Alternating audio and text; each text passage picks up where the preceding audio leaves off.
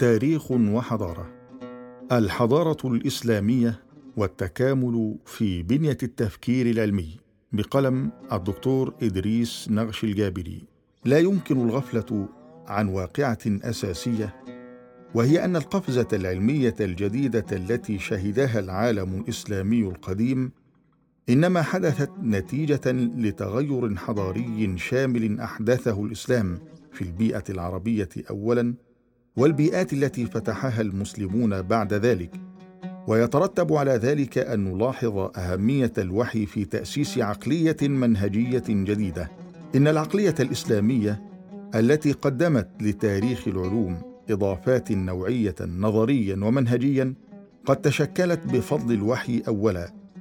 فعن الوحي القرآن والسنة صدرت الصياغة المنهجية العقلية للمعارف العلمية في لحظة التأسيس وهي علوم الوحي التفسير والأصول والحديث وعلوم الآلة اللغة والنحو وعلوم الحال الرياضيات والفيزياء.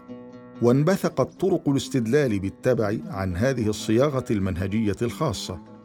وهكذا يتجلى التكامل العلمي في بنية التفكير العلمي الإسلامي في جوانب تجمعها الخطاطة التالية.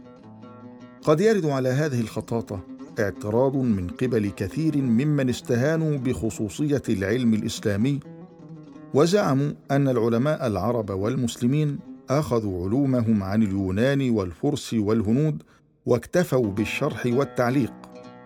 ولكن الحقيقة أن المسلمين أخذوا بالفعل عن باقي الحضارات غير أنهم أخضعوا ما أخذوه إلى منهج ينبع من عقلانية جهوية خاصة. إن التكامل إذن جوهر لا عرض طارئ على العقلانية الإسلامية الأصيلة. فالعقل الذي تشكل ابتداء من الوحي كان العلم الدقيق كالطب والحساب داخلا في أركانه. لنأخذ علم الحساب مثلا. اعتبره بعض الفقهاء من أركان الدين. قال الفقيه المتفنن ابن هيدور التادلي الفاسي واعلم أن الحساب ركن من أركان الدين. به تؤخذ القبلة وأوقات الصلاة وبه حساب الأعوام والشهور والأيام وجري الشمس في البروج وحركات الكواكب وحلول القمر في المنازل ومعرفة الساعات النهارية والليلية وأكثر مسائل العلم الشرعية يدخل فيها الحساب. وذلك كالزكاة مثلا والتصرف أيضا في الغنائم في الجهاد وتعيين الخمس والأربعة أخماس وقسمة ذلك على الغانمين وكقسمة أيمان القسامة على أولياء الدم عند طلب القصاص ومسائل القراض والمساقات والإجارة والتفليس إلى غير ذلك من الأحكام الشرعية فأكثر المسائل الفقهية يدخلها العدد وكفى بالحساب جلالة وشرفا أنه صفة من صفات الكمال إذ اتصف به الجليل تبارك وتعالى بالإضافة إليه قال تعالى وكفى بنا حاسبين ويترتب على هذا الكلام أمران وحدة العقل والنقل ذلك أن تعارض النص الصريح من الكتاب والسنة مع العقل الصحيح السليم غير متصور أصلا بل هو مستحيل.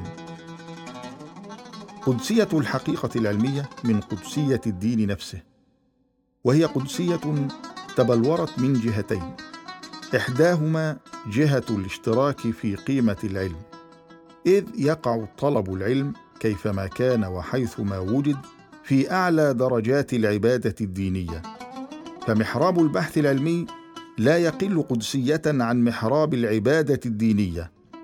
والثانية جهة الوسيلة المنهجية إذ دفعت قدسية الأحاديث النبوية علماء الإسلام إلى ضبط المنهجية العلمية في البحث والتنقيب رواية ودراية نقلا ونقدا داخل حقل علوم الحديث وخارجه. لقد عممت هذه القدسية على الحقيقة العلمية حيث كانت وكيفما كانت مما أدى إلى تشارك معرفي عام وتفاعل منهجي خاص بين العلوم الدائرة على الوحي من أصول وحديث وفقه وعقائد من جهة ثم بينها وبين علوم الطب والصيدلة والرياضيات والفلك من جهة أخرى. وهو ما يؤدي إلى تكامل في الموضوعات والمناهج داخل العلوم الإسلامية. التكامل في الموضوعات والمناهج. الشمول. ومعناه اتساع دائرة البحث العلمي للنظر في كل الموضوعات الطبيعية والإنسانية وتوحيد التصور بصدد الغيب. فالمجالات العلمية تتكامل بينها لأن الحياة بكل كائناتها ومكوناتها مجال لأداء سعي المسلم. ولذلك فهو مكلف بالسعي بكل طاقته لطلب العلم والمعرفة بشؤون الحياة والكائنات ومكلف أيضا بكل الجدية والإبداع والسعي بكل الطرق للتمكن من الوسائل اللازمة لتسخير الحياة والكائنات ورعايتها وإدارتها وتنظيم شؤونها. صحيح أن البحث في العقائد هو ما لا ينبغي التوسع فيه إلا بقدر ما يوحد تصور المسلمين عن الله والنبوة والأخرويات.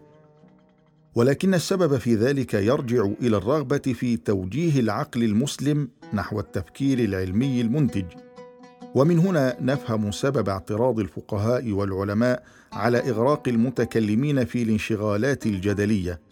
فقد كانت تعرقل فعل العقل المنهجي المنتج. إن التكامل في ميادين المعرفة يتدرج من الخاص إلى العام فهو يبدأ من تكامل خاص على مستوى المادة العلمية الواحدة ثم يمضي إلى تكامل عام على مستوى مادتين علميتين كالفقه والأصول ثم يرتقي إلى تكامل أعم بين جميع المواد العلمية التي تنتمي إلى مجال واسع مثل الفقه والأصول والحديث والتفسير ثم يصل إلى حد التكامل بين جميع المجالات العلمية. التنوع ومعناه تنويع الأدوات المنهجية المستعملة وهو يترجم التكامل على صعيد الوسائل المعرفية المنهجية. ويتبين ذلك على مستويين سبق الإلماع إليهما وهما اولا وسائل المنهج العلمي حيث تتنوع الوسائل العلمية في الدراسة وتنفتح على وسائل التجريب ووسائل النظر ووسائل الخبر. إذ ما من وسيلة صالحة من وسائل البحث العلمي وطلب المعرفة إلا والعقل المسلم مكلف باستخدامها والإفادة منها في توليد المعرفة والقدرة على الأداء. تستوي في ذلك الوسائل المادية والمعنوية والكمية والكيفية كما تستوي في ذلك الوسائل الاستقرائية والاستنباطية والعلمية والتجريبية والتنظيرية والتحليلية. ثانيا المصدر المنهجي. يعود بالدليل إلى الجهد الشخصي للعالم وإلى التوفيق الإلهي وإعانة الله تعالى مما أعطى للعلم صبغة أخلاقية.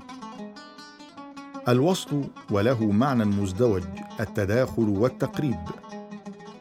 التداخل من أهم مظاهر الشمول التي تدرك بها الحقيقة التكاملية للتراث.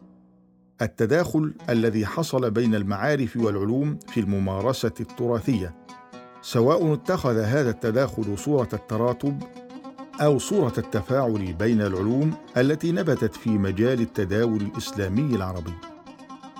يتعلق الأمر إذن بشدة التكامل أي درجة الربط بين مكونات المنهج التي توضح شدته. ومن أهم أنماط شدة التداخل بين العلوم الإسلامية ما يلي نمط التناسق المبني على المصادرة والتسليم بين العلوم ويسميه البعض بآلية الخدمة حيث العلوم يخدم بعضها بعضا.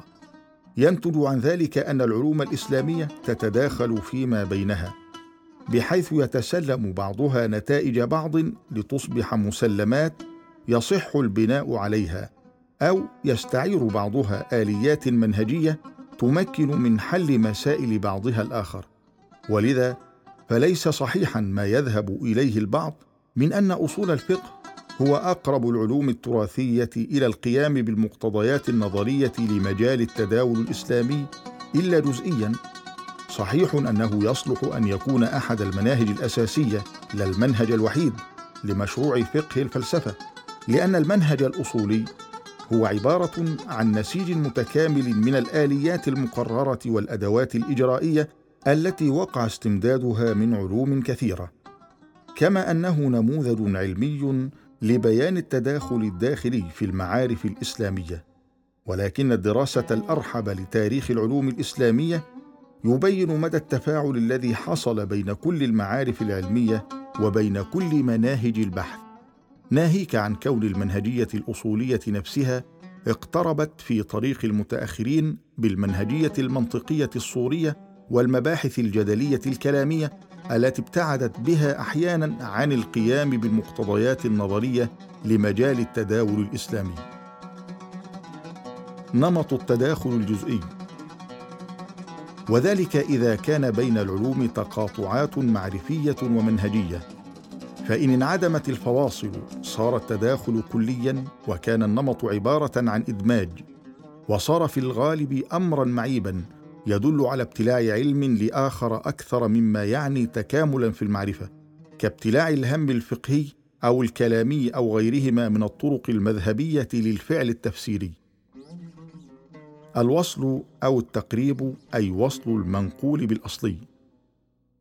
إن نمط التداخل بين العلوم يميز التكامل بما هو صفة للعلائق فيما بينها. أما علاقة العلوم الإسلامية بما نقل إليها من مجالات تداولية أخرى كالعلوم اليونانية والهندية والفارسية فإن التكامل هنا يأخذ صفة التتميم وأهم مظهر له التقريب حسب اصطلاح الدكتور طه عبد الرحمن ومعناه وسط المعرفة المنقولة بباقي المعارف الأصلية. وفي هذا يقرر طه عبد الرحمن دعوى أساسية تقول لا سبيل إلى معرفة الممارسة التراثية بغير الوقوف على التقريب التداولي الذي يتميز عن غيره من طرق معالجة المنقول باستناده إلى شرائط مخصوصة يفضي عدم استيفائها إلى الإضرار بوظائف المجال التداولي الإسلامي فضلا عن استناده إلى آليات صوريه محددة.